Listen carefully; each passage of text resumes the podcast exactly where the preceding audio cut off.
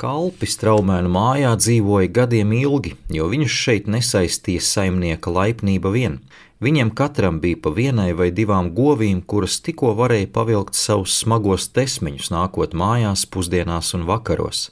Bet viņus visvairāk straumēnos turēja senais mājas gars, ierastu darbu nemainīgā kārtība, un tam viņi kalpoja vairāk nekā saimniekam. Tas arī viņiem piešķīra neatkarību, jo kas tad saimnieks bija? Dievs viņu šeit bija padarījis par augstāko rīkotāju, un viņš tiem tikai nodeva viņa pavēles, un tās vajadzēja izpildīt, lai mājā valdītu kārtība un lauki un kūtis neatrautu savu devību, kas viņus baroja. Bērni un jaunie ļaudis, kas šeit auga, bija mācīti bez skolas, jo vecāki ļaudis un vecākie viņiem sniedz tikai pārbaudītas zināšanas, ticējums un parašs, ko kopš nezināmiem laikiem vecāki pasniedz jauniem kā ceļa lampu. Tā viņa auga līdzīgi kokiem, vai atkal dila, ejot cauri dienām un gadiem, kā dilst lemeši caur zemi ejot. Šeit izcēlās arī strīdi un nesaskaņas, bet visi apvainojumi sadzīja tikpat ātri, cik ātri apvelkas ar jaunu mizu kokam cirsta vāts. Cilvēks nebija viens pasaulē, bet viņš bija no jautrās cīruļu cilts, un kā tie no rītiem paceļas dziedādam pret debesīm, tā ļaudis no rītiem ar dziesmu cēlās pretī darbam. Viņi domāja vienādi un ticēja vienādi, un caur visu tautu gāja tā pati skaņa, kāda iet caur labi noārdētu podu, ja viņam piesita roku.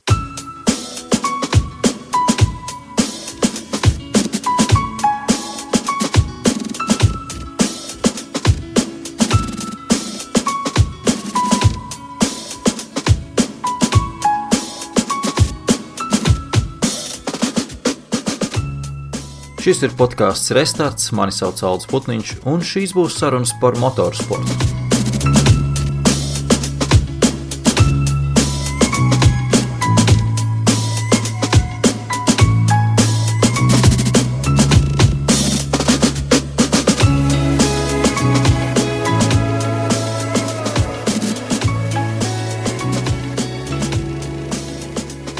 Jaunais gads ir sācies, un arī restarts ir atpakaļ jau otrajā nedēļā, jaunajā gadā.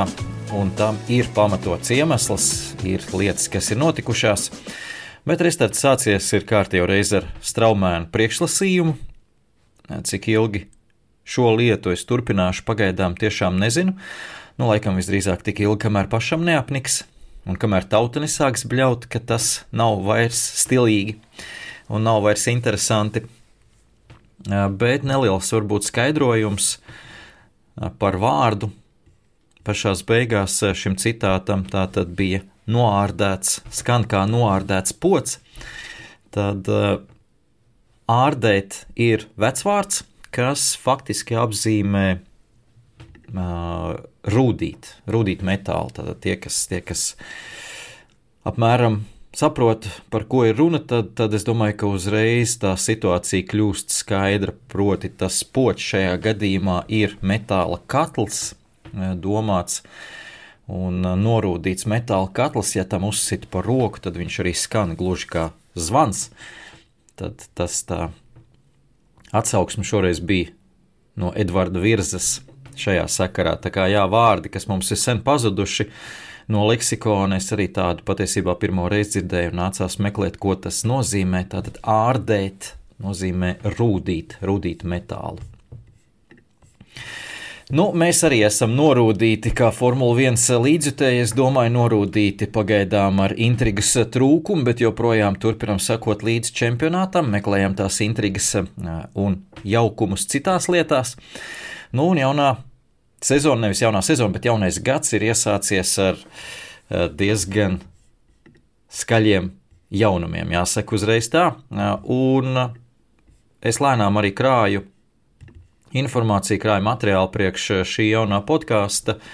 Eh, liku kopā un, un pie sevis domāju, ka jā, nu, janvāra otrajā pusē noteikti būs, būs arī sakrājies, ko parunāt. Nav jau nekas steidzīgs, nav nekas aktuāls noticis pagaidām vēl pirms varbūt prezentācijām jāpaspēj ierunāt kāds podkāsts, bet vakardienas notikumi to visu sagriez kājām gaisā un pilnīgi skaidrs, ka ir nedaudz jāparunā jāparunā pie mikrofona, un, protams, jūs visi zinat, par ko ir runa.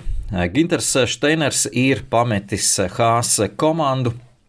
Tas ir tas lielākais jaunums, un pie tā arī ķeršos klāt, kā man mācīja viens ļoti gudrs podkāstos cilvēks. Tad uh, viņš teica, ka nevar atlikt svarīgāko lietu vai svarīgāko tematu vai aktuālāko tematu, ko visi gaida uz pēdējām uh, podkāsta minūtēm vai uz pašām beigām.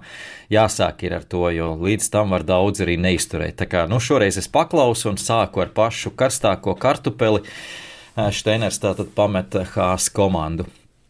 Šis uh, ir šoks un bija šoks, un man pilnīgi noteikti tas ir šoks, ja kāds no jums saka, ka bija tas prognozējams un jau gaidījāt to, nu, vai nu jūs esat ārkārtīgi labi informēts, vai arī bišķiņ mānaties.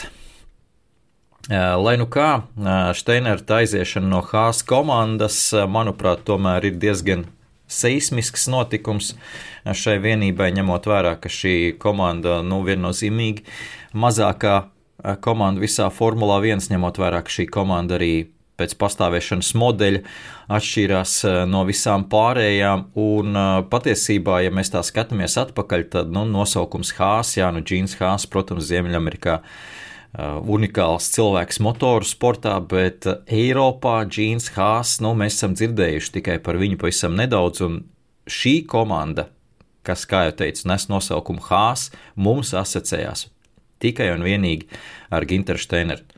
Viņš patiesībā arī savulaik bija tas, kurš eh, Džinam Hāsam iebaroja šo ideju, ka tādā veidā komandu var izveidot. Tas viss sākās patiesībā tie, kas tiek atcerās vēl ar tādu projektu kā US Grand Prix, kas tā arī pačabēja, un tur, tur Džīns Hāss arī bija, nu, negribās teikt, bija klāt, bet katrā ziņā sekoja šiem notikumiem, šim pasākumam bija aizrāvies ar to ideju, proti ar ideju, ka varētu Formulā 1 būt amerikāņu komanda, bet tieši Ginters Steiners bija tas, kurš pamudināja Džīnu Hāsu un pastūma Džīnu Hāsu šajā virzienā vēl vairāk, piedāvājot risinājumus un variantu, un kā, kā to varētu izdarīt, jo sākotnēji izskatījās, ka tur varētu klientu mašīnu paņemt no Ferrari, kas nu, diezgan ātri bija tika šāda ideja apslāpēta un skaidrs, ka pārējās komandas nav ar tādu risinājumu mierā, bet Džīns Hāss izdomāja ļoti uh, negribās teikt viltīgu risinājumu, bet nu, diezgan agresīvu, teiksim tā, risinājumu, ko nebija iedomājies neviens līdz šim cits. Eh, komandu vadītājs vai jaunās komandas īpašnieks proti, ka tiek paņemts viss šīs tā saucās, saucamās listed pārts, jeb detaļas, kuras drīkst nopirkt vienkārši kā no gluži veikalā, kā no plaukta ieiet un nopirkt no konkurentu vienības. Nu, un, protams, tika paņemts viss maksimālais, ko var paņemt no Ferrari Klāt tika pielikta Dalara šasija arī virsbūve. Līdz ar to kompānija, kas tomēr daudz maz saprot, ko viņi dara, jau, jau gadu desmitiem būvē formulas dažādos čempionātos pēc pasūtījuma. Nu, skaidrs, ka tur nevarēja varbūt cerēt uz kaut kādiem augstākā līmeņa priekš Formula 1 panākumiem sākotnē, bet nu, atceramies, ka Hāzs nekad galīgie pastarīši nav bijuši. Nu, ja neskaitām varbūt šo sezonu, bet nu, tas ir nedaudz cits stāsts. Līdz ar to tas modelis ļoti labi aizgāja, protams, sakaitināja diezgan daudz komandas, arī konkurence Formulā 1 ar šādu modeli, bet nu, pilnīgi noteikti tāda jaunā, jaunā mode lielā mērā tika ieviesta Formulā 1, ka šādi var komanda pastāvēt. Eh, tā problēma, kas tagad tikai parādās, ka tā ir problēma, problēma ir tā, ka komanda neturpināja loģiski attīstīties. Jo tas, kā sākuma punkts, kā atspēriena punkts, eh, tīri teorētiski varētu būt eh, pilnīgi normāla situācija. Šāds pastāvēšanas modelis Tomēr Ginters Steiners, es domāju, ka pēdējos divus gadus, un mēs to varējām ik pa brīdim arī no viņa komentāriem noprast un saprast, pēdējos divus gadus centās panākt sarunās ar Džīnu Hāsu, ka ir tas nākamais solis, ka ir tie ieguldījumi arī no Hāsa kompānijas, lai pirmkārt tiktu līdz budžeta griestiem, tātad izmantotu to, ko var izmantot maksimāli, un sāktu pamazām tomēr sakārtot to uh, pamatu apakšā, jo pretējā gadījumā jaunajā Formula 1 čempionāta ērā, kāda tā ir šobrīd, protams, ar budžeta griestiem, ar diezgan solīdām dotācijām, arī zemākajā, zemākajā ešalona komandām. Ar to, ka var piesaistīt sponsorus, un tā tad finansiālā ziņā tas, uh, tas pamats ir diezgan viegli izveidojams, bet to izdara arī konkurenti, un līdz ar to arī viņiem līdz ar to ir uh, diezgan labs uh, pamats, uz kā būvēt savu attīstību, tad ir tas jādara un ir jāiet uz priekšu, pretējā gadījumā, nu, tu paliec nopakaļus. Tas vecais modelis pie, pie, pie jauniem noteikumiem tā īsti vairs nestrādāja, un tas parādījās mums arī pagājušajā sezonā. Hāzs nu, nebija gatavi un nebija spējīgi konkurēt arī zemākajā ešalonā. Sezonas laikā tā attīstība nebija, arī jaunie uzlabojumi redzējām, ka nestrādāja. Mašīna patiesībā pat nebija galīgi zemē metama, bet tas sniegums tieši sacīkšu režīmā un riepu spēja riepas uzturēt pie dzīvības nebija augstākajā līmenī. Uh, Kur, kur tā problēma šajā gadījumā? Es domāju, ka nav man tāda ekspertīze, lai tur izķidātu sīk un smalki tās problēmas, bet nu, skaidrs, ka tāds, tāds acīm redzamākās lietas jau ir saprotams. Vispirms jau un pirmkārt trīs dažādas bāzes, kas ir komandai, kas tik mazai vienībai nevar būt normāla situācija. Ja pat lielās komandas šobrīd, protams, mēģina visu centralizēt, gan zinēt departamentu, gan, gan šasīs departamentu salikt vienā vienā fabrikā, un, un, un nu, gluži tāda, būtu situācija, ka faktiski pārējai pāri koridoram. Un tu esi klāt zinēja departamentā, tad Hāzes komandai ir lieliska Amerikas bāze, kura faktiski netiek izmantot, protams, Hāzes komandas Džina Hāsa amerikāņu komandas bāze. Nu, un savukārt ir attiecīgi bāze arī Lielbritānijā, Banburijā un bāze Maranello. Nu, bāze, laikam, tas tāds skaļš vārds eh, nosaukt eh, šo bāzi Maranello, bet jebkurā gadījumā tad eh, Ferrari blakus turpat atrodas arī telpas priekš Hāzes komandas, ko tās izmantoja, ko tā izmantoja. Un šāda sašķeltība, kā jūs teicat, nekādā veidā nevar veicināt uh, kaut kādu veidu progresu. Tā, tas vien, tā bija viena no problēmām, ko vajadzētu apvienot. Protams, tas viss maksāja, tas, tas viss prasīja ieguldījumus, un Steiners uz to gāja, bet neatrada pretimnākšanu, nes, nes, nesagaidīja dzirdīgas ausis no Džina Hāsa. Un, um, kas ir ar Džinu Hāsu šajā gadījumā? Šeit grūti arī viņam kaut ko pārmest, ir, jo uh, viņa apātiju attiecībā uz Formuli 1 arī diktē uh, tas, kāpēc viņš vispār ir ienācis Formulā 1. Ne, neizskatās, ka viņam tik ļoti interesē čempionāts kā tāds. Vismaz šobrīd varbūt vairs nevar būt, viņam mainījušās prioritātes ir. Bet tas, ko dara čempionāts priekš viņa kompānijas, viņu absolūti un pilnībā apmierina. Jo tas, ka Formulā 1 ir viena no desmit komandām ar nosaukumu Hāzs, kas vistiešākajā veidā ar šobrīd ar milzīgo Formule 1 popularitāti uh, nes Hāzes vārdu pasaulē un priekš viņa kompānijas ar to ir absolūti pietiekami. Tas arī ir tas modelis, uz ko Džins Hāzes ir gājis. No viņa pozīcijām raugoties, absolūti nav nepieciešami papildus ieguldījumi, papildus investīcijas čempionātā, jo viņam pietiek, ka viņš tur atrodas. Viņam nav, nav vajadzīga tā astotā vieta, desmitās pozīcijas vietā. Nu, protams, ir labi, ja tā ir, jo tur nāk papildus naudiņas. Nav tā, ka viņam ir pilnīgi vienalga, bet lai tāpēc ieguldītu vēl un līstu ārā no ādas un cīnītos par tām pozīcijām, tas nav tik ļoti svarīgi. Nu, mēs varbūt varētu teikt, ka tas ir bēdīgi, un tā ir tāda nevisai laba situācija. Bet, kā jau minēju, tad nu, īpašniekam ir tiesības tomēr pārvaldīt komandu, kā, kā viņš to vēlas. Nu, un šajā gadījumā tas, tas ir viņa tas, uh, modelis. Nu, šobrīd ir jauns komandas vadītājs, Ajuku Matsu. Noteikti būsiet pamanījuši.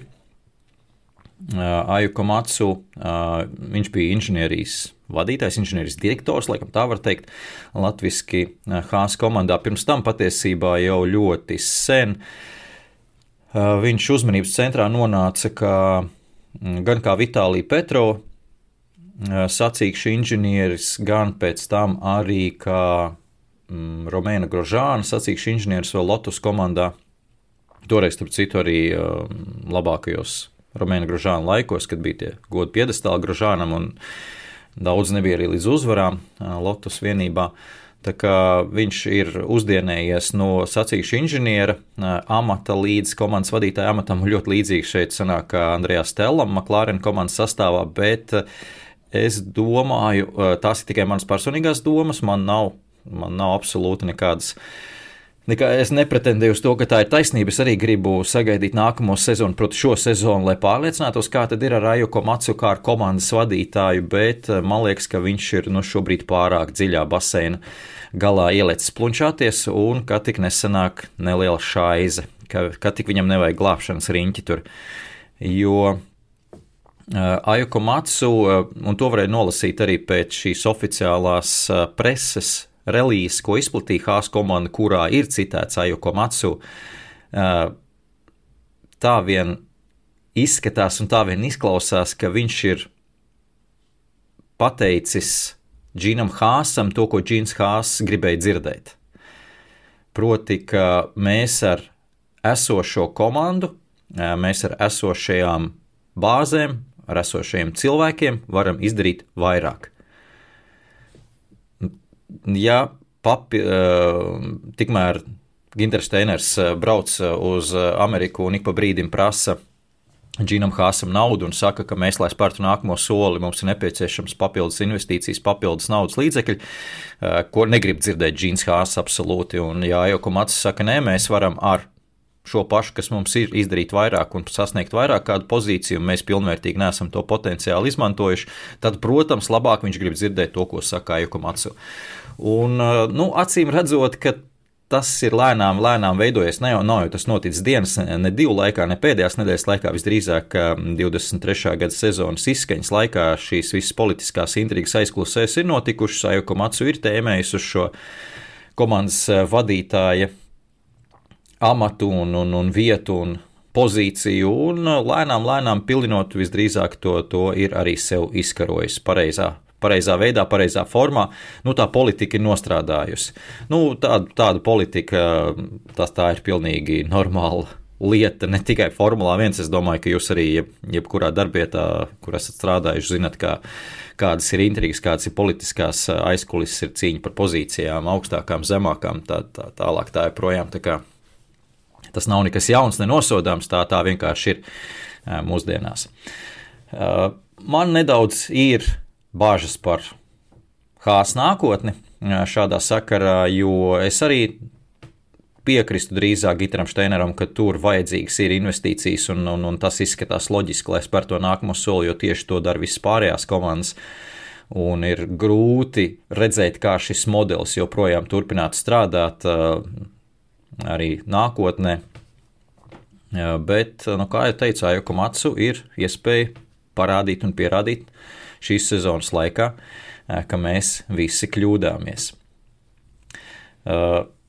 Šis, šis ir interesants patiesībā, jo es domāju, ka viņam būs arī pievērsta milzīga uzmanība šajā sakarā. Jo, ja mēs šādi pagriežam šo mazo revolūciju, kas notikusi Kāzas komandā, ir, kuras rezultātā Steiners ir palicis aiz borta, tad uh, es domāju, ka mēs visi skatīsimies uz pirkstiem Ajoko Matsu eh, šogad eh, un tam, kā viņš spēja vai attiecīgi nespēja ar esošo komandu, ar esošiem cilvēkiem, ar esošo budžetu tikt, tikt pie labākiem rezultātiem. Starp citu, par budžetu runājot, nu, ironiskā kārtā, nu, cik tur ir ironija, cik nē, bet kurš tad to budžetu ir nodrošinājis komandai? Protams, tas ir Ginters Steiners. Patiesībā ļoti daudz lietām jāpateicās Ginteram Steineram. Protams, viņš pats arī ir tā visa rezultātā uzdienējies un grāmatu izdevis un šo Drive to Survive popularitāti ieguvis un, protams, uz tā popularitātes viļņa arī sērfojas, būsim godīgi. Bet, nu, zināms, pamats tam visam ir un ir bijis, jo kurš tad to komandu noturēja virs ūdens Covid laikā, jo atceraties, ka tieši par Hāzi tika runāts visvairāk, ka šī komanda var neizdzīvot Covid, ja, ja turpināsies tā krīze pietiekami ilgi.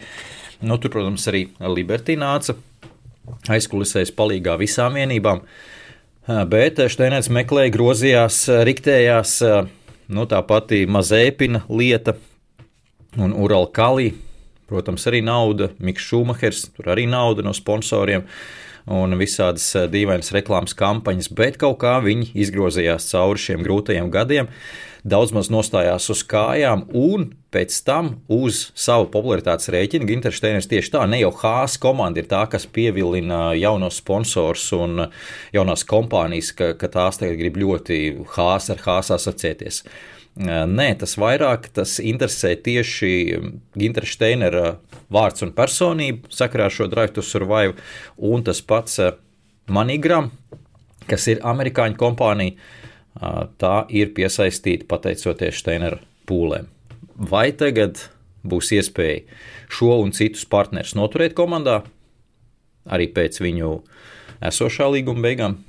Tas arī ir diezgan liels jautājums. Turklāt, kas ir interesanti, tad Steiners patiesībā sanāk trešais šobrīd visilgāk strādājošais komandu boss. Atcerieties, mums te pirms, pirms gada bija komandas vadītāja pļaujas laiks, visi tika nopļauti diezgan īsā laika sprīdī. Un kopā ar Horneru un kopā ar Toto Wolfu Ginters Steiners bija nu, viena no tiem, kas strādāja visilgāk. Tagad arī kritis ir Steiners, tā kā palikuši mums ir divi. Divi ilgdzīvotāji, redzēsim, kā viņiem veiksies. Atgriežoties pie Hāsa, protams, arī komentāros ļoti daudz līdzstēju uzreiz pieminēja, nu, ka tas ir īstais brīdis tagad ja, ienākt Formulā 1 Andretī. Un nevelti Protams, visi to pieminēja, jo tiešām nu, no visām pozīcijām raugoties, no visām iesaistītajām pusēm skatoties, tas būtu ideālākais risinājums. Jo atcerieties, ka šobrīd Andretī jautājums joprojām karājas gaisā, joprojām FOM šajā sakarā nav savu lēmumu izdarījuši un uh, nav pateikuši, kas notiks tālāk. Tā, tad, tas tā ir problēma, kas joprojām ir uh, jārisina. Uh, otrkārt, uh, Andretī savukārt, skatoties no Andretī puses, viņi ir gatavi tik ļoti ieguldīties, ka viņi gatavi tādu 11. komandu taisīt, proti taisīt absolūti no nulles visu no Eh, no tukšas vietas. Nu, šajā gadījumā viņiem tomēr eh, ar šo, šīs potenciāla komandas pārpirkšanu nebūtu gluži tukša vieta. Protams, tās nebūtu ārkārtīgi eh, augsta līmeņa bāze un, un instrumenti un tā tālāk, bet vismaz kaut kas, ar ko, ko sākt un ar ko, ko sākt operēt, un nu, nebūtu jāsāk absolūti no nulles. Un cena, interesanti, jā, es tieši pastījos apkaļ, kādu laiku bija Forbes novērtējuši visas komandas. Tas bija kad pusgadu atpakaļ. Varbūt tā vērtība tagad ir atkal pamainījusies, pieļauju. Bet, nu, jebkurā gadījumā kaut kas, ar ko varam orientēties, tā tad Hāzes vērtība bija 700. 80 miljoni ASV dolāru. Tātad iedomājieties, ja šobrīd bija laiks atpakaļ, ka vadošās komandas, nu, varbūt ne pašas, pašas vadošās, bet vidus ešalona komandas tika vērtētas uz 300 miljoniem ASV dolāru, tad šobrīd pati švakākā komanda, kas pati visu ņem no, no citas vienības un pērka, tās vērtība ir 780 miljoni.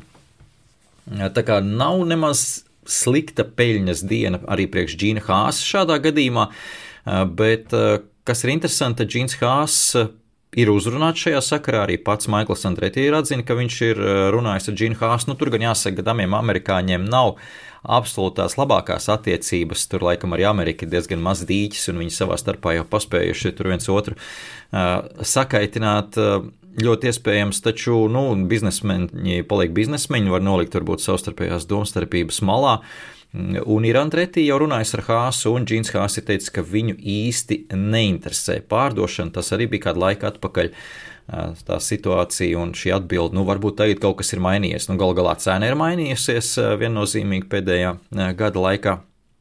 Nu, un arī, kā, kā jau teicu, tagad tā situācija ir jāizlem, ko tad tālāk, kādu ceļu attīstības iet Hāzes komandai.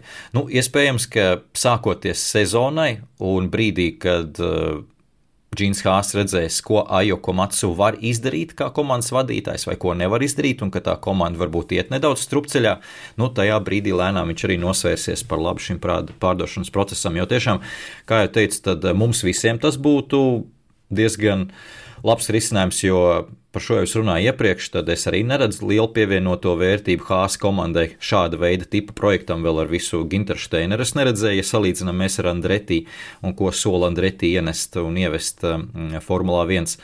Nu, un, uh, es domāju, ka uh, līdz ar to arī, protams, Formula 1 un Liberty mēdī kā jau teicu, te noša, nošaut uzreiz divus zaķus ar vienu šāvienu, proti atrisināt problēmu ar Andretī, kas šobrīd ir samilzusi un, un atteikt ir, ir grūti, bet paņemt arī negribās un dalīt eh, visu uz 11 daļām, bet šeit mēs, nu, švakāko komandu apgraidojam un uztaisam viņu par amerikāņu, kārtīgu amerikāņu projektu, iespējams ar amerikāņu pilotiem ar lielām ambīcijām un gal galā ar vēl vienu arī dzinēju ražotāju. Tā kā, te, kā es teicu, no visām pusēm ir labumi. Un iespējams, ka būs līdz ar to arī kaut kāda veida spiediens, tieši netieši papildus finansiāls un tā tālāk uz Džīnu Hāsu arī no Liberty Mēdī. Tā kā iespējams pa visiem tur izdosies viņu pārliecināt. Nu, tas, tas ir par īsumā, pavisam īsi par Hāzes situāciju.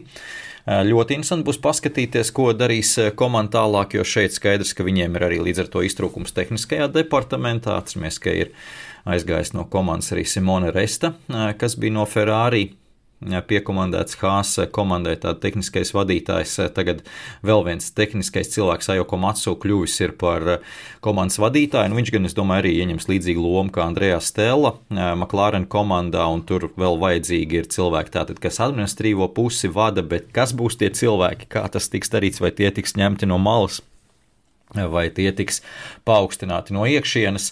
Nu, tas arī, es domāju, ka dos tās indikācijas par to, kādā virzienā tad taisās iet hās, vai tiešām saņemties, piepūst vaigus un uh, pacelt uh, to smagumu un kļūt par kārtīgu Formula 1 komandu, vai tomēr tur veģetēt un plūst pa straumi un paņemt uh, visu, kas vēl ir ņemams, bez maksas, bez maz, un nu, pārējo, par, pēc pārējā nemaz netiekties un nemēģināt. Tā, tik tālu par Hāz. Vēl ir pāris interesantas lietas, un pat ļoti interesantas lietas, kas ir šīs dienas tematā. Es varbūt tās mazākās lietiņas atstāšu uz beigām, jo varbūt aptrūks tas laiks, bet vēl viena ļoti apjomīga tēma, kas, kas pamazām arī nobrieda, kas būs svarīga un būs interesanta. Es domāju, visas šīs sezonas garumā ir proti Formula viens īpašnieku Liberty mēdīja un attiecīgi FIA savstarpējā cīņa par varu. Šo cīņu par varu es ik pa brīdim esmu pieminējis arī gan komentējot pagājušā gadā, tādā veidā skaidrojot visas šīs dīvainās izdarības no Binsolājiem puses, no FIA prezidenta puses, no FIA puses kaut kāda veida lēmumus, kas tiek pieņemti. Pēdējais no tiem pavisam nesen atceramies, protams, arī Toto Wolfa un Sūzijas Wolfas apvainošana kaut kāda veida dienesta stāvokļa izmantošanā no FIA puses, nu, netiešā veidā. Uh, visi šie izgājieni, kurus vairs, vairs pat ne, nemēģināšu atcerēties un visus un, uh, saskaitīt un uzskaitīt, bet nu, gan jau, jūs paši nojaušat, pa ko ir runa. Visi šie izgājieni lielā mērā liecina par to, ka Mohameds bin Sulājams nav apmierināts ar esošo situāciju, kādā ir FIA tieši politiskajā ziņā.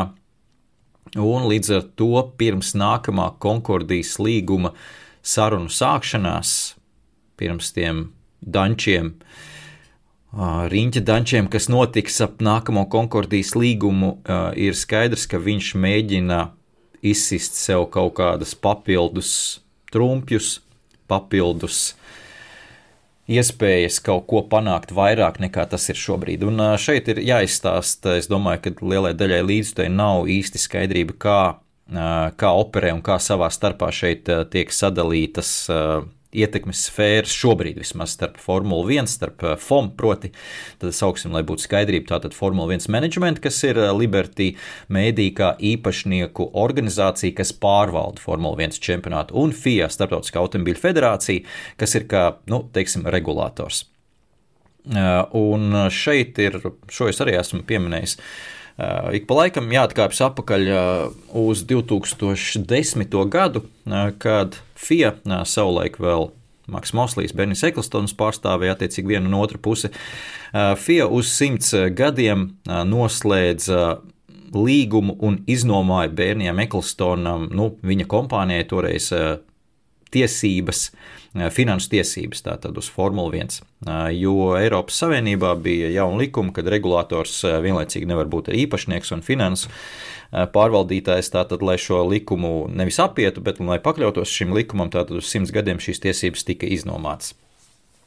Ko tas nozīmē? Tas nozīmē, ka FIA šobrīd nevar tiešā veidā iejaukties finansu lietās Formule 1 čempionātā. Uh, savukārt, esošie īpašnieki, Liberty Media, nu, viņi jau kur īpašnieki pēc kārtas mums tam, pirms tam bija CVC Capital, atceraties vēl Bērni Eklstona, no Bērni Eklstona nopirkt šīs tiesības. Un Liberty Media arī tikpat labi var pārdot tālāk šīs tiesības. To ir, to ir iespējams darīt, to var darīt, bet FIA nevar būt šī tieši šo finansu tiesību īpašnieks. Bet FIA ir saglabājis savu pozīciju, tāda kā jūs teicat, kā regulators, kas ievieš likumus, ievieš noteikumus, kontrolē šos noteikumus gan trasēs, gan tehniskos noteikumus, formulām, tā tālāk, tā joprojām. Bet kas ir noticis, un noteikti to ir varbūt daudz arī palaiduši garām, jo diezgan klusu tas viss notika kādus gadus, nu jau 3, 4, nedaudz pat vairāk izskatās, nē, 3, 4 gadu apkaļā. Uh, Eh, notika, eh, tad eh, iepriekšējais FIA prezidents, kas bija Žants Tots, kurš īpaši daudz nejaucās Formula 1 lietās, un patiesībā Bins Lēms varētu nedaudz no viņa pamācīties, jo mēs esam tikuši pārmēs pēc pie ļoti, manuprāt, atbildīgiem Formula 1 īpašniekiem, protams, tur var arī viņiem kaut ko pārmest, varbūt pārlieku amerikānismu, liberty un kaut kādā veidā tiekšanos pēc pārāk daudz posmiem, varbūt sezonā, bet nu, tās ir nianses un tās ir detaļas.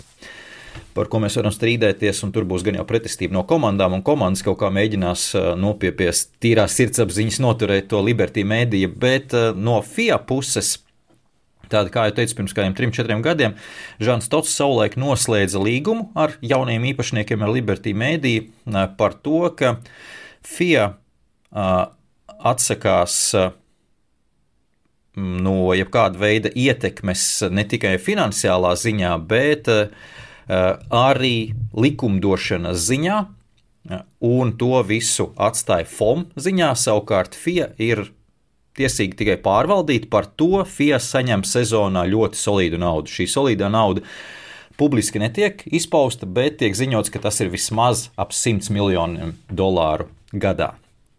Tātad FIA no Liberty saņem čeku par, nu, pieņemsim, 100 miljoniem gadā un kontrolē visus tos noteikumus, ko FOM izdomā ieviest. Tātad tā nav FIA, kas izdomā, kāda mums būs tagad colu, cik colu riteņi būs un, un, un kāda būs aerodinamika un vispārējais. To izdomā FIA, protams, konsultēties ar komandām ar, un motorsporta padomu, pēc tam attiecīgi jau to ratificē un ievieš dzīvē un kontrolē caur FIA visu aparātu, cilvēku aparātu un tehnisko nodrošinājumu tā tālāk tā joprojām. Ar šo lomu izskatās, ka Mohameds Binsulēms nav īpaši mierā.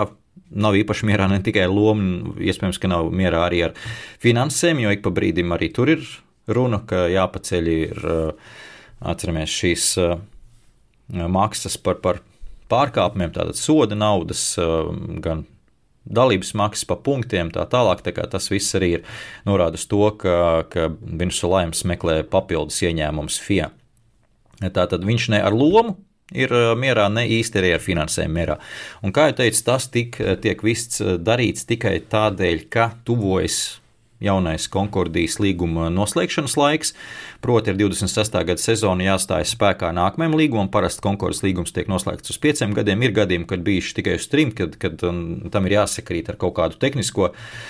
Uh, tehniskās revolūcijas, teiksim, tā uh, datumu, jo nu, daudz komandas nezina, vai viņas ir gatavas uh, gluži tagad gan šajā tehniskajā ērā, gan nākamajā tehniskajā ērā parakstīties un piedalīties čempionātā. Līdz ar to parasti tas iet soli, soli, soli ar kaut kādiem tehniskām pārmaiņām, ar jauno dzinēju ieviešanu. Līdzīgi arī šajā reizē tas ir 26. gads ir laiks, kad mums eh, jaunie, eh, jaunie motori nāk iekšā. Līdz ar to līdz tam laikam tātad komandas līdz 25. gada izskaņai šīs komandas, kas ir, ir parakstījušās iepriekšējā konkursu līgumā, un uh, tagad notiks sarunas par nākamo konkursu līgumu. Konkursu līgums tad regulē attiecības gan starp Liberty Media uh, FOM, tātad no vienas puses, uh, FIA no otras puses un visām komandām no trešās puses. Tā, tāds trīspusīgs, apjomīgs, sarežģīts līgums, kas, kas regulē visas attiecības.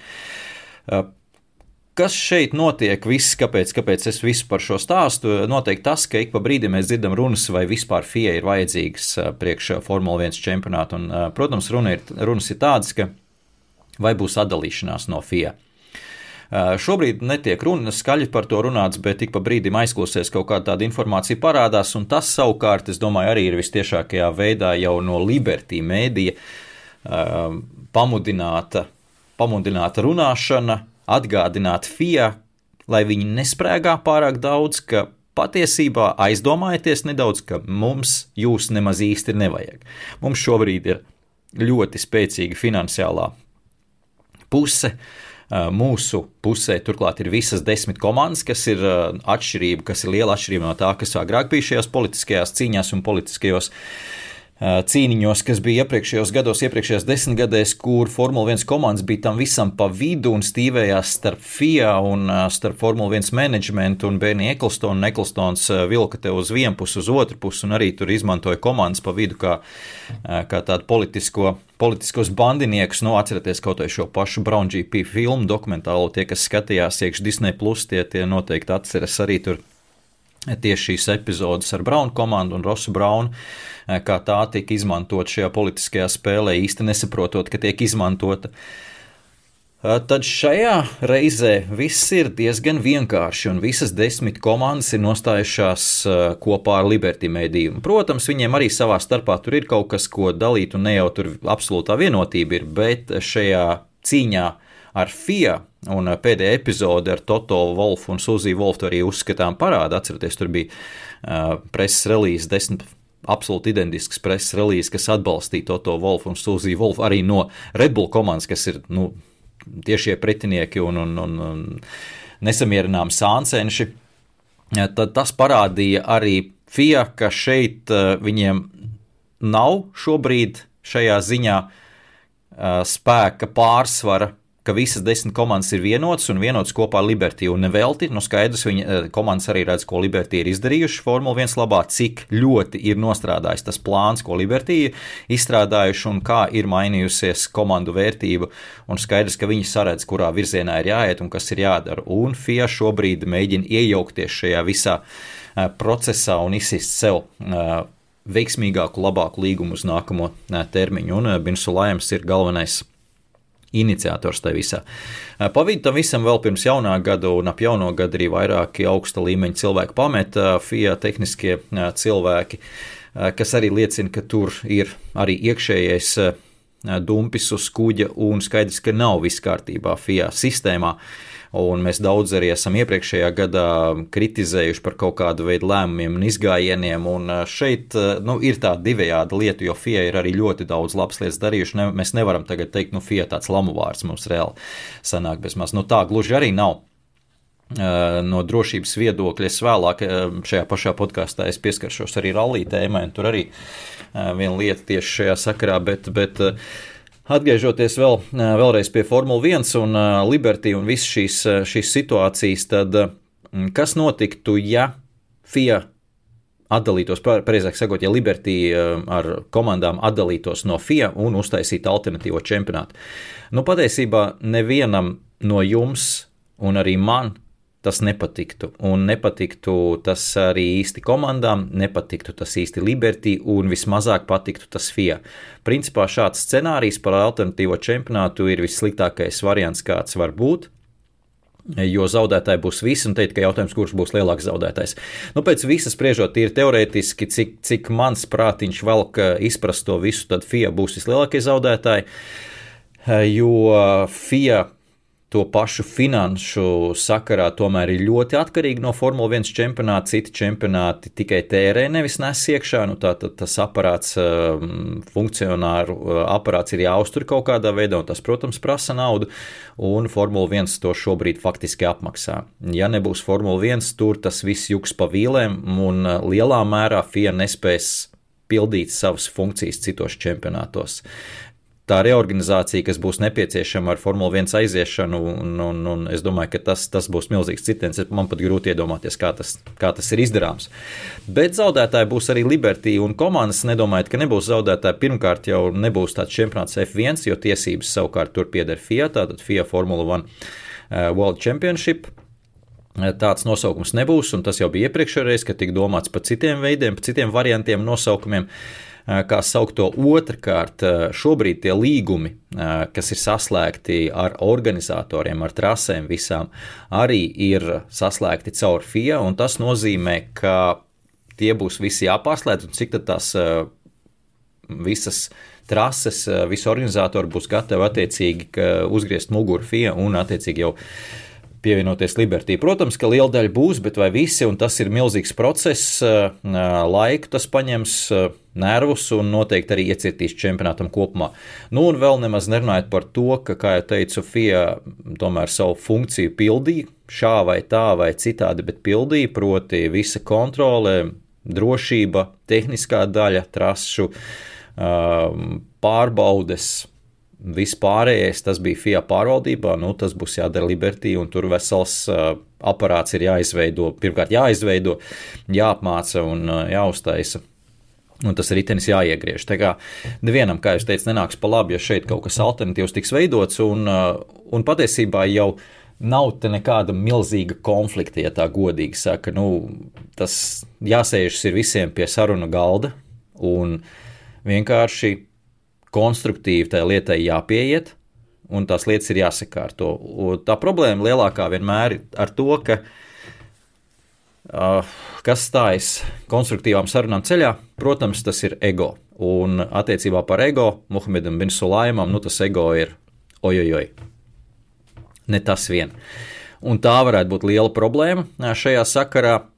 Stefano Dominikāli, kā, kā cilvēks no Liberty puses, kas, kas ir nolikts pārvaldīt un, un regulēt to visu, pilnīgi noteikti ir daudz izskolojies politiskās lietas caur Ferrari komandu, un tagad arī, protams, strādājot pašā augstākajā līmenī, taču skaidrs, ka viņam arī ir savs ego, varbūt viņš nebūs tik ļoti uh, ieciklējies uz to, lai, lai, lai pilnīgi noteikti noliktu malā objektīvās lietas, kas ir jāizdara, un tagad tikai pakļautos savu ego prasībām. Uh, bet nu, nav gluži tā, ka viņš ir gatavs locīt muguru Binsulājam priekšā un tur Un tur tās, es domāju, tās sarunas ies augstos toņos, jebkurā gadījumā. Taču nu, es ceru, ka tas, tas veselais saprāts ņems virsroku. Un, kā jau teicu, tad pierodiet, darbie draugi, darbie līdzjutēji, pierodiet pie tā, ka būs mums ik pa brīdim šāda veida izgājieni no Binsulājiem, iespējams arī no, no, no Liberty mēdīja, no Formula 1 čempionāta puses, proti šīs spēka demonstrējumi, jo, kā jau teicu, tojas šis konkurss līguma pārslēgšana. Un, Un eh, ir jāmēģina šobrīd katrai pusē kaut kā tās savas, eh, savas kārtas pastiprināt un tie trumpi atrast. Bet, nu, kā jūs teicat, tie trumpi izskatās vairāk ir pilnīgi noteikti libertī, un tāpēc tik izmisīgi tur bija Solājums cenšas kaut ko lietas labā darīt. Tā, tas tik tālu divi temati izrunāti. Vēl viena lieta, vēl viens jaunums, kas kas mums bija pēc jaunā gada, proti Steak F1 Team. Jau daudz joks redzēju no angļu valodā, tur vispār iet uz urā.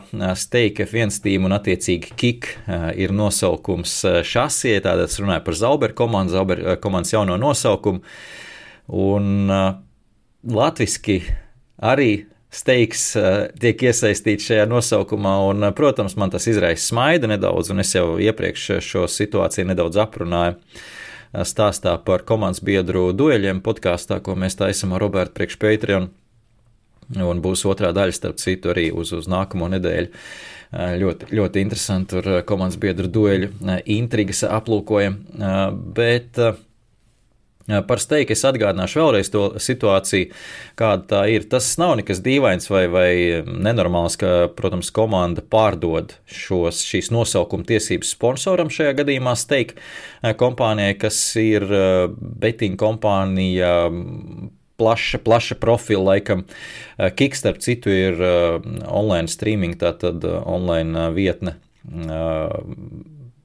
ne, nemāku pateikt latviešu, ko, ko, ko viņi dara īsti, bet viņi arī ir saistīti ar steigtu. Tā kā tur ir zem viena jumta, vai nu tā ir kaut kāda veida filiāli, vai, vai ar kādiem partneriem saistīta. Es tā precīzi nezinu, bet, bet savā starpā saistīti, jo mēs redzēsim atsevišķos posmos šajā sezonā, ka steika viens tīm mainīs nosaukumu, jo ir valstis, kur ir aizliegta šī reklāma nu, vismaz tik brutāli to reklamēt.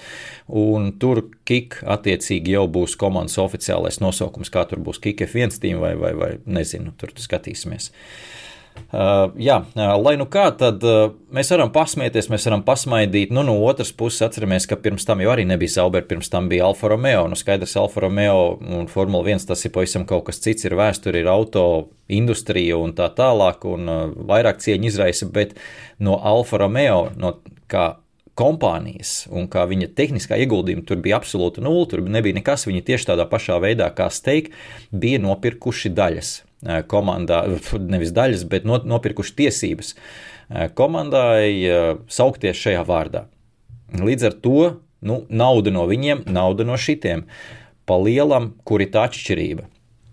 Negribu līst šajā tēmā absolūti iekšā, bet es tikai gribu atgādināt visiem, ka uh, Lai cik mēs ļoti gribējām, vismaz es, un es domāju, ka daudz līdzstēji redzēt Zauberu vārdu, atgriežamies vismaz šajos divos gados, kamēr mēs gaidām Audi ienākšanu, tomēr, nu, ja steiki ir nopirkuši eh, vietu, eh, nosaukumu un samaksājuši lielu naudu, kas ļauj attiecīgi šo Zauberu komandu pirmkārt uzturēt, otrkārt attīstīt, tad nu, mums ja, ir jāsaņemās un jābūt tik daudz spējīgiem, kā vismaz šo komandu saukt pareizajā vārdā, jeb steak F1 steam. Tā kā pierodiet, sāciet to tā saukt, protams, vienmēr sakam steak F1 steam, padomājam Zauber.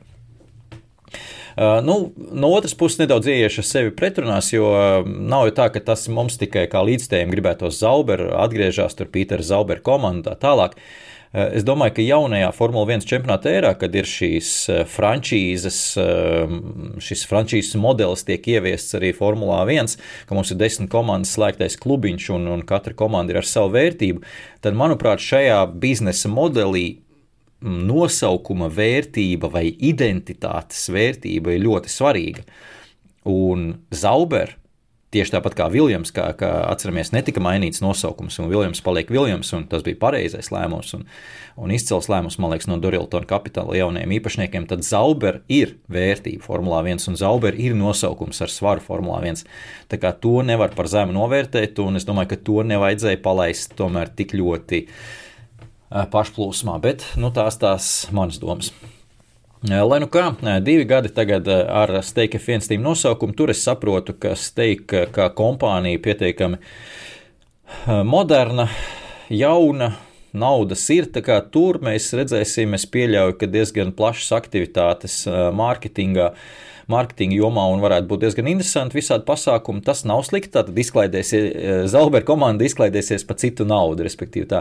Otra lieta, kā jūs teicat, nāk iekšā nauda, kas ļauj komandu uzturēt, ne tikai uzturēt, bet varbūt arī attīstīt pirms Audi ienākšanas. Tomēr šeit tas viss rada nelielas bažas attiecībā par Audi, jo jā, mums būs divi gadi ar tagad steiku un mēs varam tos izbaudīt, bet patiesībā es visu laiku skatos uz priekšu, uz to 26. gadu, kad ienāks Audi ar saviem dzinējiem, ar savu komandu un ar katru brīdi man ir pārņem lielākas bažas, jo es ļoti gribu, lai Audi izdodas. Ne tāpēc, ka man tagad viņa mīļākā kompānija vai kaut kas, nē, vienkārši ienākšana, šāda, šādas kompānijas ienākšana beidzot Volkswagen koncerna kompānijas ienākšana.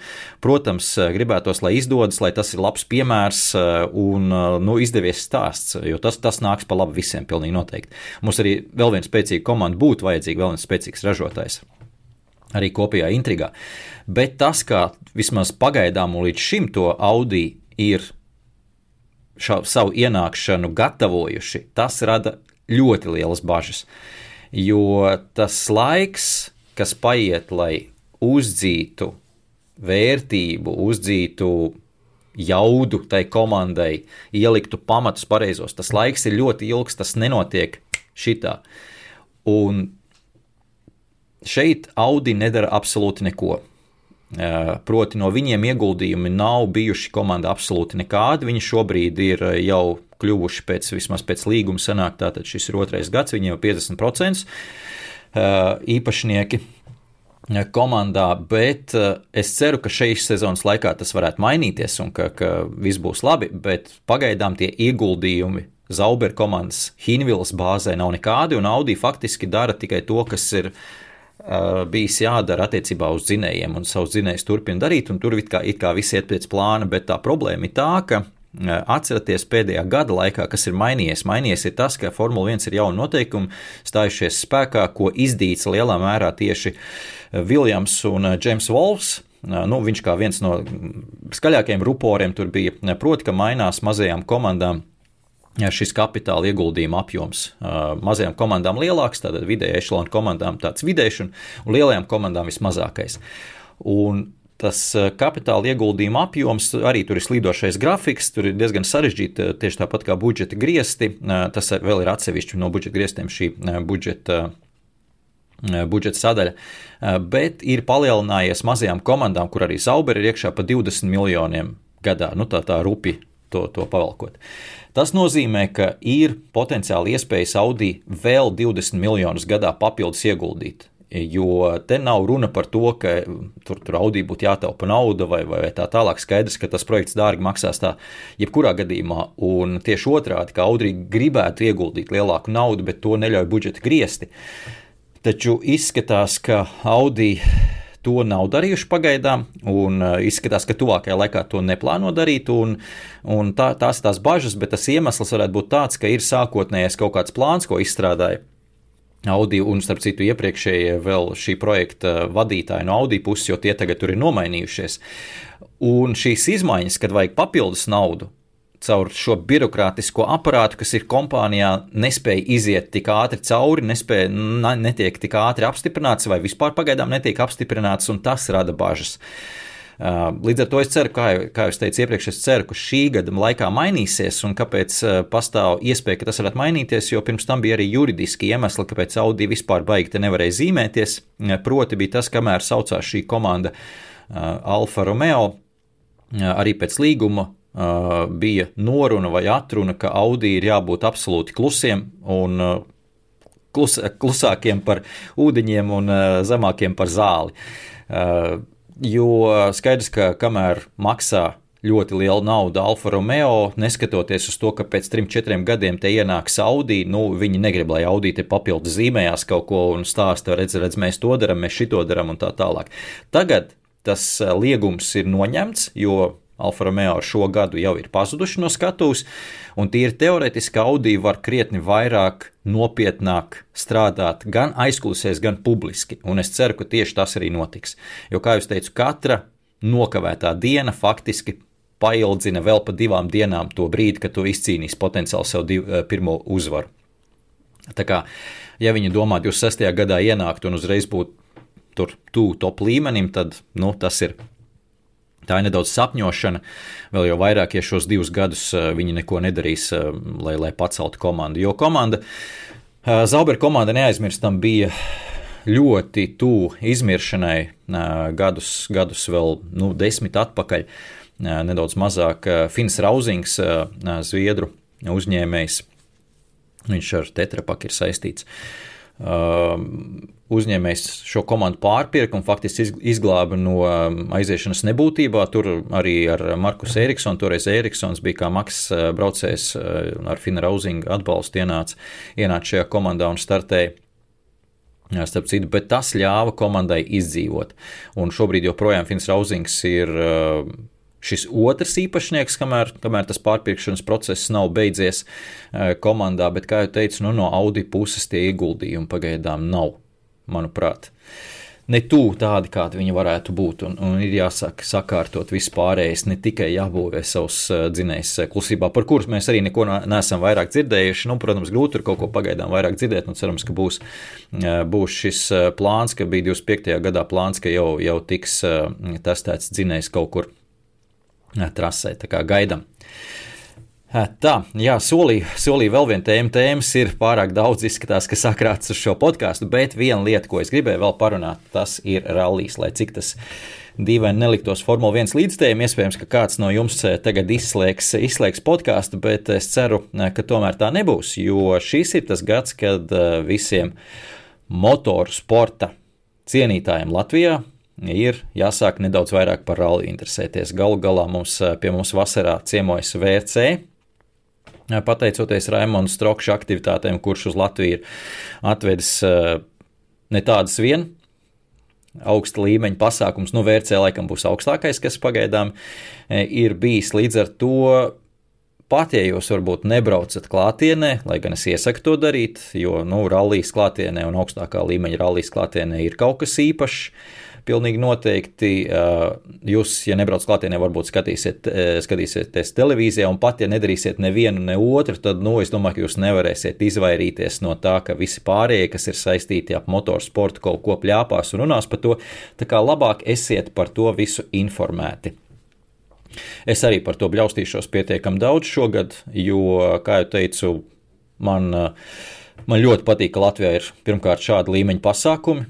Tas ir ārkārtīgi sarežģīti kaut ko tādu vispirms jau atvest uz tejienu, pēc tam arī realizēt augstā līmenī. Un galu galā, nu, man kā šīs jomas, ja motorsporta jomas pārstāvim, nu, tas, tas ir mans darbs. Tātad, jo vairāk būs šāda līmeņa pasākumi, jo vairāk par to cilvēku dzirdēs Latvijā, jo vairāk lielāka auditorija būs, kas par to interesēsies. Un man, protams, arī labāk un interesantāk strādāt. Eh, bet nav jau viss tik eh, jauki un skaisti, un es ieliku arī Twitterī jau šo ziņu par to, kāda ir situācija diezgan bēdīga tieši VRC šajā, ar šo Rally 1 automašīnu, un tā nav laba lieta, protams, runāt no manis kā no žurnālista, pirms tam es pateicu visas šīs lietas labās par, par mūsu posmu gaidāmo, un tad es, tad es sakritizēju VRC, jo gal galā nu, tas mums, pie mums gaidāms posms, un es, es te darbas karotes medus mucā sametu. Uh, nav labi, bet no otras puses, nu, es arī nevaru absolūti izlikties, ka viss ir labi un skaisti, un to es domāju, ka visi saprot. To saprot arī Raimons, to saprot uh, visi rallija cilvēki, arī Latvijā, kas, kas uh, gaida šo pasākumu ļoti, un uh, es domāju, ka arī viņi visi saprot, ka nav viss labi. Rallija čempionātā tieši pašā spicē, pašā spicākajā galā, nu, un tas, cik ir dalībnieki mm, šajā Rally 1 ar Rally 1 klases automašīnām šogad VRC jau ir tam apliecinājums, ir trīs komandas. Nu, es rakstīju divu ar pusi, jo, jo M-Sport komanda tur, tur ar divas pusēm, jeb ar Fordus pusēm. Es šajā gadījumā tur Fords arī nav, nav pilnībā ienācis. Ja nebūtu M-Sport, nebūtu arī Fords ienācis. Tā kā būtu vispār tikai divas komandas, protams, Toyota un Hyundai. Tas nozīmē, ka ir seši braucēji, sešas ekipāžas, ir pilna sezona, uh, un attiecīgi Hyundai un Toyota vēl ir pa, papildus diviem līdz trim pilotiem un, attiecīgi, ekipāžām, kas, kas atsevišķos posmos piedalīsies. Arī Rovampēra, kurš izcīnīja čempionu titulu, nebrauc pilnu sezonu. Tā kā, nu, negribas teikt, ka noņem sevi no titula ja pretendēt, lūk, jau tikpat labi varbūt eh, pietiks viņam ar mazāk posmiem, lai to izcīnītu, bet nu redzēsim. Eh, lai nu kā, kur ir tā problēma, tad eh, tā galvenā lieta, ko es gribēju izstāstīt, un kā jūs teicat, nu, ja jūs neko nezināt par, par rallī, tad esam vienkāršos vārdos. Šoreiz, kur ir tā problēma, neesmu šajā ziņā varbūt sīki, smalki un nesaprotu tik dziļi kā rallija eksperti, un šeit varētu šīs sezonas laikā man ir doma parunāties ar kādiem rallija ekspertiem. Uh, par šo visu un ko viņi saka. Eh, bet, eh, nu, cik, cik man tā saprašana sniedz, tad tomēr šeit arī FIA ir sava problēmiņa. Savulaik notikusi sava šaizīte, notikusi tajā izvēlē. Uh, attiecībā par VRC čempionātu. Un šeit arī tā liela atšķirība starp VRC un Formuli 1, kur, kur nu, tieši no vadības, no valdības viedokļa un no, no schēmas, kā tiek pārvaldīti šie čempionāti, krietni lielāka teikšana šeit ir FIA. Un FIA savulaik bija tā, kas teica, ka ir jāiet uz šo Rally 1, lai gan jau pašā sākumā daudzi komandu vadītāji, arī M-Sport, arī tolaik Andrejā Dāmo, kas bija Hyundai komandas vadītājs, es komentēju toreiz starp citu GO3 televīzijā arī rallija vērcē. Tā kā labi atceros, cītīgi sekoju tām lietām. Labi, atceros, ka šie cilvēki kritizēja šos jaunos noteikumus rallija viens automašīnas, ka tās būs par dārgu, ka būs pāri miljonam šī cena par vienu automašīnu, ka tas nav normāli, ka pa mežiem uh, traucas vienu miljonu automašīnas, uh, kuras uh, nu, nav nopērkamas normāliem normāliem, nu, negribas teikt, normāliem cilvēkiem, eh, bet nav nopērkams privātajiem braucējiem, kas varbūt iepriekš pietiekami regulāri parādījās eh, VRC čempionātos un, un, un iekodīgi pa brīdim arī mums augstākā līmeņa braucējiem. Nu, šobrīd tādu faktiski nav vispār, jo neviens to nevar atļauties. Un ka tas nav normāli. Un šobrīd tas Rallija 2, savukārt nākamais līmenis, eh, kas, kas nu, ir 5, pirms tam mums bija nu, tie, tie apzīmējumi. Es domāju, tie, kas, tie, kas nav sekojuši līdz rallijiem, to droši vien jau, jau ir apmaldījušies tādā, ko es stāstu.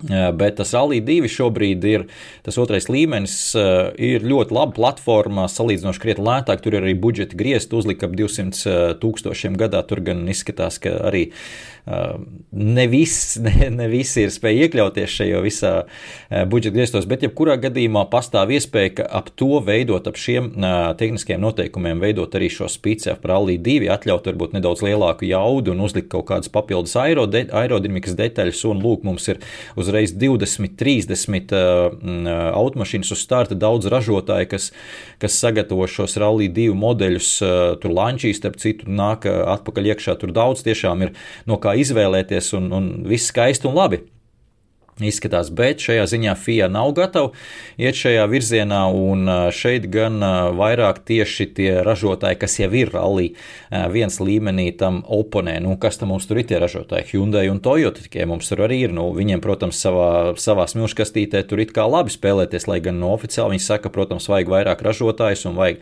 vajag piesaistīt, bet tai pašā laikā nu, to savu deķīti velk uz savu pusi.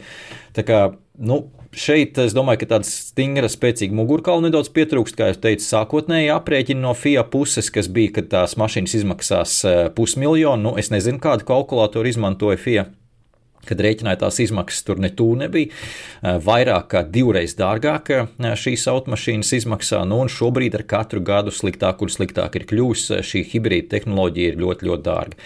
Uh, nu, tas viss, uh, galvenā lieta, kas, kas vispār te lika kustēties eh, FIA un mēģināt kaut ko darīt un mainīt tehniskajā ziņā, protams, bija tas moments, ka, kad mums gadus atpakaļ sākās eh, šīs, šis neziņas laiks par to, ko tad darīs tālāk autobūvis joma kā tāda, kur, kurā virzienā tas ies, nedaudz pazaudējuši bija to, to nākotnes virzienu, to nākotnes vīziju. Atcerieties, bija laiks arī, kad Honda aizgāja no Formule 1 čempionāta pirms pāris, eh, nu jau pirms vairākiem gadiem, jo, jo viņi uzskatīja, ka varbūt elektrovirzienā jāiet un ka nebūs tas Formule 1 izvēlētais virziens pareizais.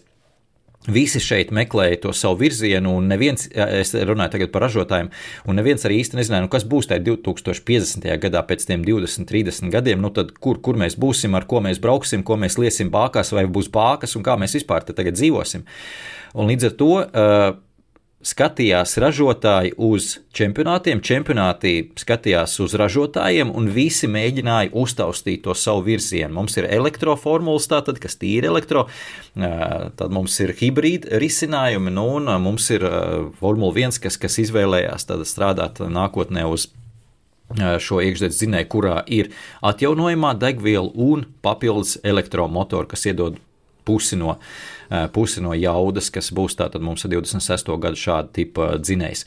Eh, kā jau teicu, daudz citi čempionāti arī meklēja savus identitātes, tos savus virzienus. Eh, Indīkāra bija viens no čempionātiem, kas nogulēja šo pāreju, un izskatās, ka VRC arī ar savu hibrīdu risinājumu, kas arī bija kā nu, nelielam ķeksītim, ka mums tagad ir zaļais risinājums pēdiņās, ja, un ka mums tas pievilinās ražotājs arī izskatās, ka varbūt nav trāpījuši pareizi, kā bija jādara, kur bija jāiet. Es neesmu gudrs, lai to pateiktu, vai bija jāiet arī uz šīm atjaunojamām degvielām, par ko arī tagad tiek runāts diezgan daudz, ka būs turbo.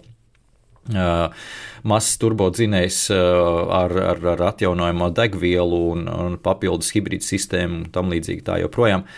Nu, iespējams, bet katrā ziņā mēs redzam rezultātu, ka nav šobrīd ražotāji ienākuši.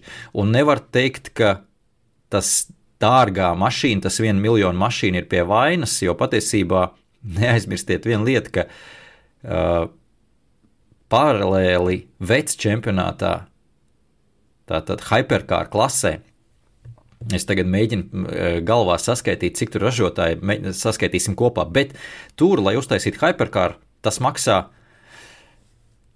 trīs reizes dārgāk, kā minimums trīs reizes dārgāk, vairāk kā trīs reizes dārgāk. Nu, vismaz trīs miljoni. Katrā ziņā tur arī, protams, neviens precīzi tos ciparus nesaka, jo šeit jau katrs būvē, būvē to mašīnu nedaudz eh, citādi. Bet, nu, Ferrari tas izmaksājas vairāk kā trīs miljonu uz mašīnu, citiem varbūt nedaudz lētāk. Tā tad runa nav par izmaksām. Eh, runa ir par to, ko ražotājs dabū atpakaļ no šī čempionāta un cik tad tagad ir vecs eh, čempionātā mums ražotāji. Pavisam ātri, noteikti es kādu aizmirsīšu, bet pavisam ātri tur ir Cadillac, tur ir Porsche, tur ir Toyota, tur ir BMW pastarpināti, bet ir Alpīna ar savu projektu Ferrari jau pieminēja, tad ir, kas mums vēl ir, Peugeot un, un, un, un visu laikam. Ah, nē, Lamborghini arī vēl ir. Tā kā, nu, visus pat saskaitīt nevar. Tā kā nav runa par to, ka tikai tas vienu miljonu VRC automašīna ir tas iemesls, kāpēc neienāk ražotāji. Tas ir iemesls, kāpēc varbūt privātie nevar nopirkt, un tas ir par dārgu priekš privātajiem, ka ir jāiet atpakaļ tajā pārējo klašu virzienā, lai būtu tuvāk lieti krietni tā Rally 2 klase, tai Rally 1 klasē, kur nebūtu tik lielas atšķirības ne naudu ziņā, ne arī uh, snieguma ziņā, jo nu, tie 500, 500 zirgspēka Rally 1 automašīnu monstri, nu skaidrs, ka ar tiem 250 vai nu cik ir rallija 2, nu nevar nekādā veidā noķert to rallija 1, bet atcerieties, agrāk rallijā vienmēr vecajos laikos bija tāda situācija, ka tas slavas mirklis ir pieejams arī kaut kādam talantīgam privātam braucējam un amatierim. Kaut kādā brīdī, ja viņš trāpa, turpat atceros Žils Panīcī savulaik ar uh, otrā līmeņa, otrās klases automašīnām, tas bija ar uh, ar, ar Citroenu, man liekas, jā, ar Citroenu uh, asfalta rallijos ar šo kitkāru, uh, ka viņš izcīnīja uzvaru Korsikā uh, un Spānijā. Pilnīgi noteikti varēja iekost un, un, un apkaunot teiksim, tās, tās augstākā līmeņa klases braucējus. Nu, šobrīd tāda situācija vispār nav iespējama. Tur ir tiešām nevis jāveido tā spice pēc iespējas krūtāka un nesasniedzamāka, bet tieši otrādi jāiet nedaudz uz leju. Jo, jo skatītājs, kas stāv trases malā, nu viņam īsti nav starpības, vai tur būs 500 zirgi vai, vai tie būs 400 zirgi. Nu, tā, tāpat tie monstri ir iespaidīgi, ne, kas nesās un vairāk mēs pievēršam uzmanību arī kā tas izskatās. Protams, skaņa būs tāpat labi, bet kā tas izskatās, tad uzliekam tiešām tai Rally 2 klases automašīnai nedaudz lielāku jaudu un uzliekam virsū antispārnus, un viņi izskatīsies eh, monstrozi. Tur būs 5, 6, 7 dažādi ražotāji automašīnas. Uh, nu, iespaidīgi skati un liels, liels apjoms. Tā kā, nu, ir, ir te ko. Es domāju, ka uzvilkties rallija līdzekļiem ir, te, ir te par ko. Uh, runāt un, un diskutēt šajā sakarā. Tā, tā ir tā lieta, kas, es domāju, nokļūs arī mums uzmanības centrā. Un es jā, iepriekš jau teicu par to FIA un iesaisti, un te, e, es te šodien kritizēju diezgan pamatīgi FIA, bet tad vienu labu lietu es arī apsolīju pateikt rallija sakarā. Eh, tad eh, attiecībā par drošību FIA ir ļoti ieguldījušies, un šeit mēs varam piecelties un aplaudēt viņiem, jo Ir vairāki piemēri bijuši pēdējos gados arī rallijā, nu, kur nu vēl ja ne rallijā, tur traucoties ar milzīgiem ātrumiem starp kokiem, kur ir nopietnas avārijas bijušas, un tas drošības karkas ir pasargājis ekipāžu. Un pirmais, kas man nāk prātā, bija Noivila un viņa Hyundai nogāšanās no, no klīns, faktiski tur, tur vairākas trīsstāvu mājas augstumā kritiens un, un nekāda vaina, nu, ja mēs tā paskatāmies, nekāda vaina tiešām abiem, abiem, abiem ekipāžas dalībniekiem. Arī Tanākam ļoti smaga avārija pirms pāris gadiem Monte Carlo arī tur aizgāja lejā vairākos līmeņos aizā un viss, viss kārtībā. Tā kā drošības ziņā tur, tur viss ir labi. Jā, tas bija par Alī, ko es gribēju teikt. Protams, tur tā tēma plašāka, un kā jau teicu, ir plāns šogad parunāt ar rallija cilvēkiem, jo patiesībā tur rallijā Nāk, nāk virsū arī nākamais termiņš, tie pat tieši tāpat kā Formulā 1 arī rallijā, bet, ja nemaldos, tomēr 27. gadā mainās atkal noteikumi, atkal ieviesīs jaunas noteikumus VRC, tur gan pēdējās ziņas es lasīju, ka 80% paliks no esošās rallija 1 automašīnas tehniskajā ziņā. Nu, tas, tas, Nezinu, vai tas ir pareizais virziens. Katrā ziņā ir plāns, ja šīs 500 zirgspēku jauda no, no 1,6 litru turbomotora plus plus 100 kW hibrīds. Tāds tas plānojas 2000, 2027. gadā.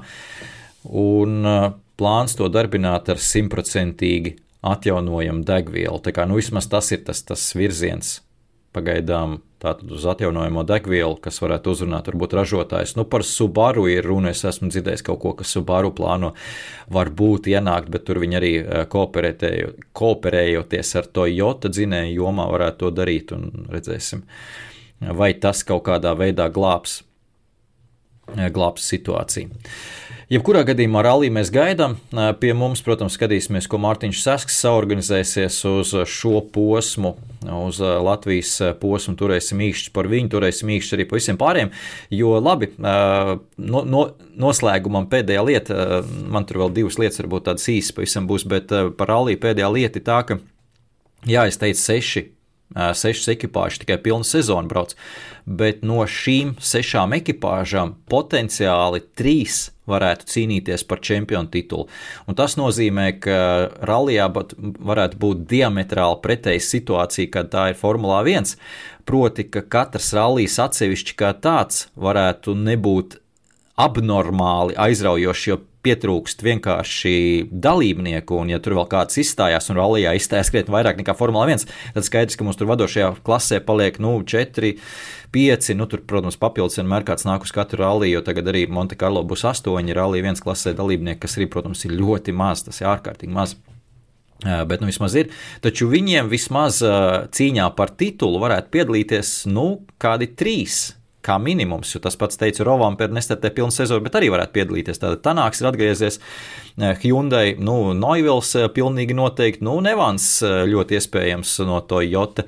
Tā kā, ja trīs visu sezonu, caur sezonu cīnās par čempionu titulu, tad varbūt kaut kur mēs kādā brīdī aizmirstam arī to, ka varbūt katrs rallijs atsevišķi uh, nav tik piesātināts ar rallija viens automašīnām, un tur, tur nav tas dalībnieku dziļums uh, tajā ziņā. Uh, Tā, tas par ralliju. Man patiesībā bija vēl divas tēmas, nu, tā mēs tiešām absolūti garām ejot, jo ir jau pāris stundai pārnāts, proti, Žils de Ferāns ir aizgājis aizsaulē, tas tāds neliels.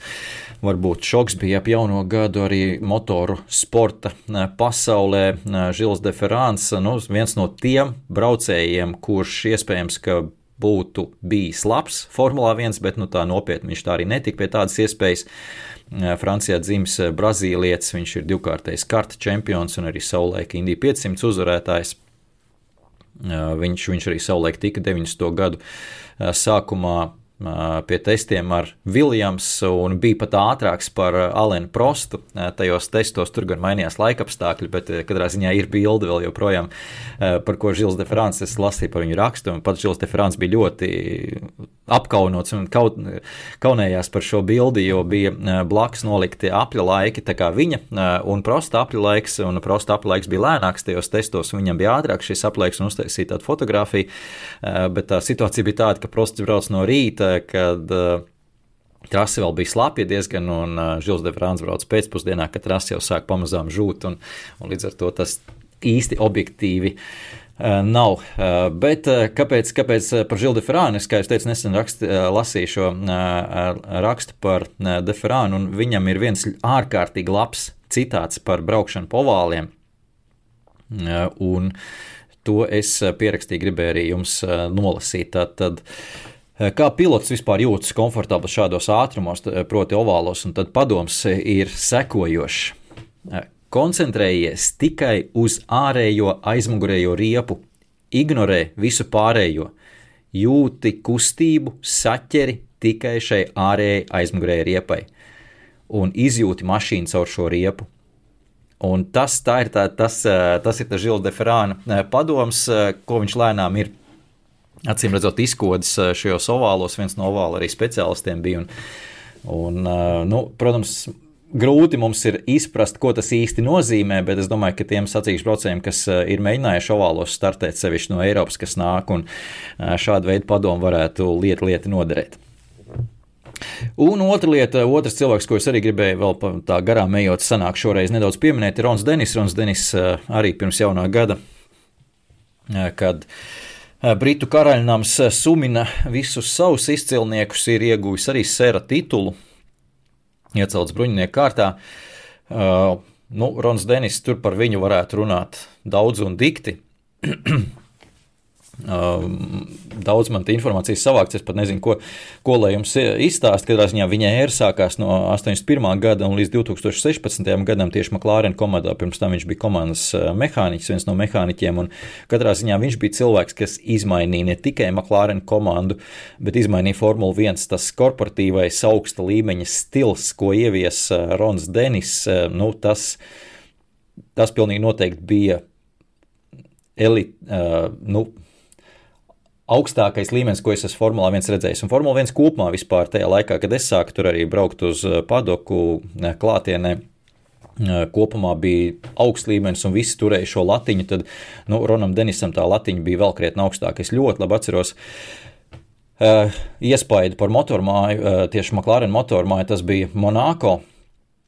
Šī pelēkā krāsa, stiklotie logi. Uh, milzīga, milzīga motoru māja Monako padokā ostas malā no rīta.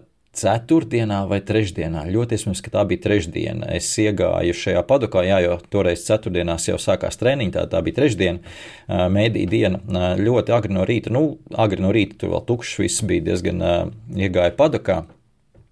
Pirmo lietu, ko es ieraudzīju, bija šī McLaren milzīgā motormāja, tādu, kā jūs teicat, ar dūmakainiem stikliem, kur cauri neko nevar redzēt.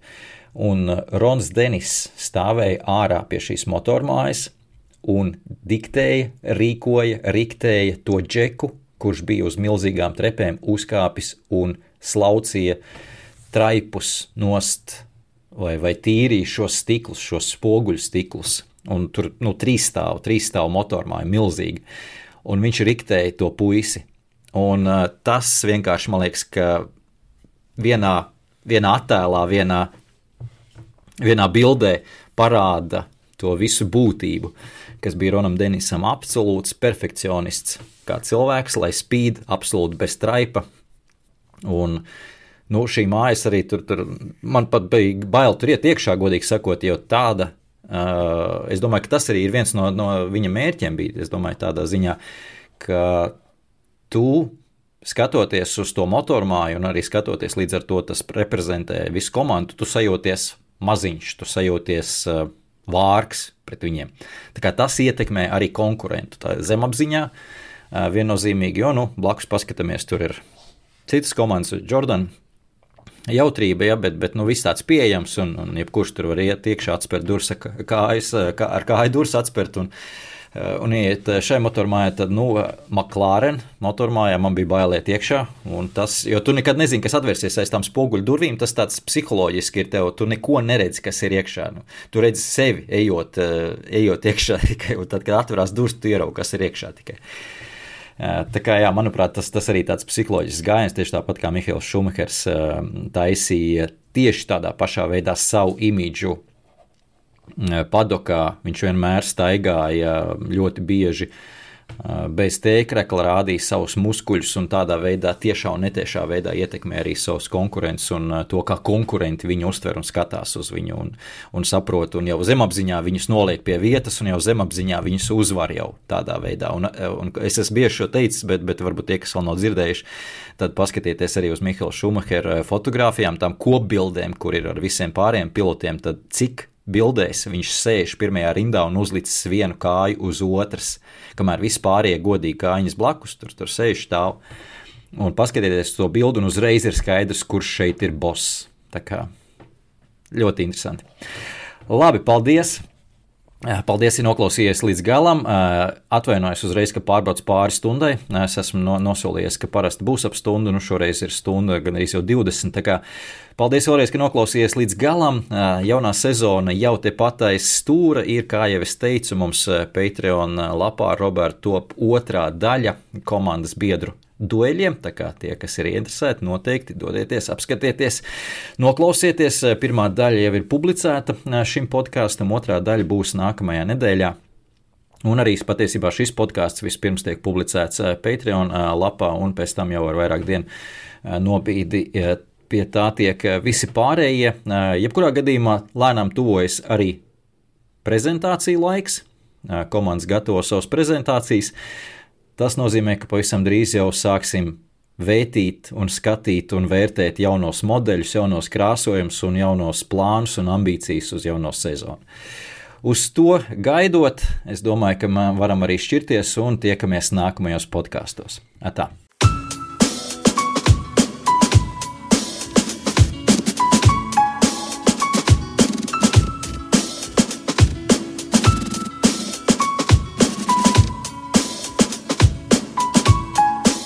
Mūzika no Perfect Muse, Lucky Number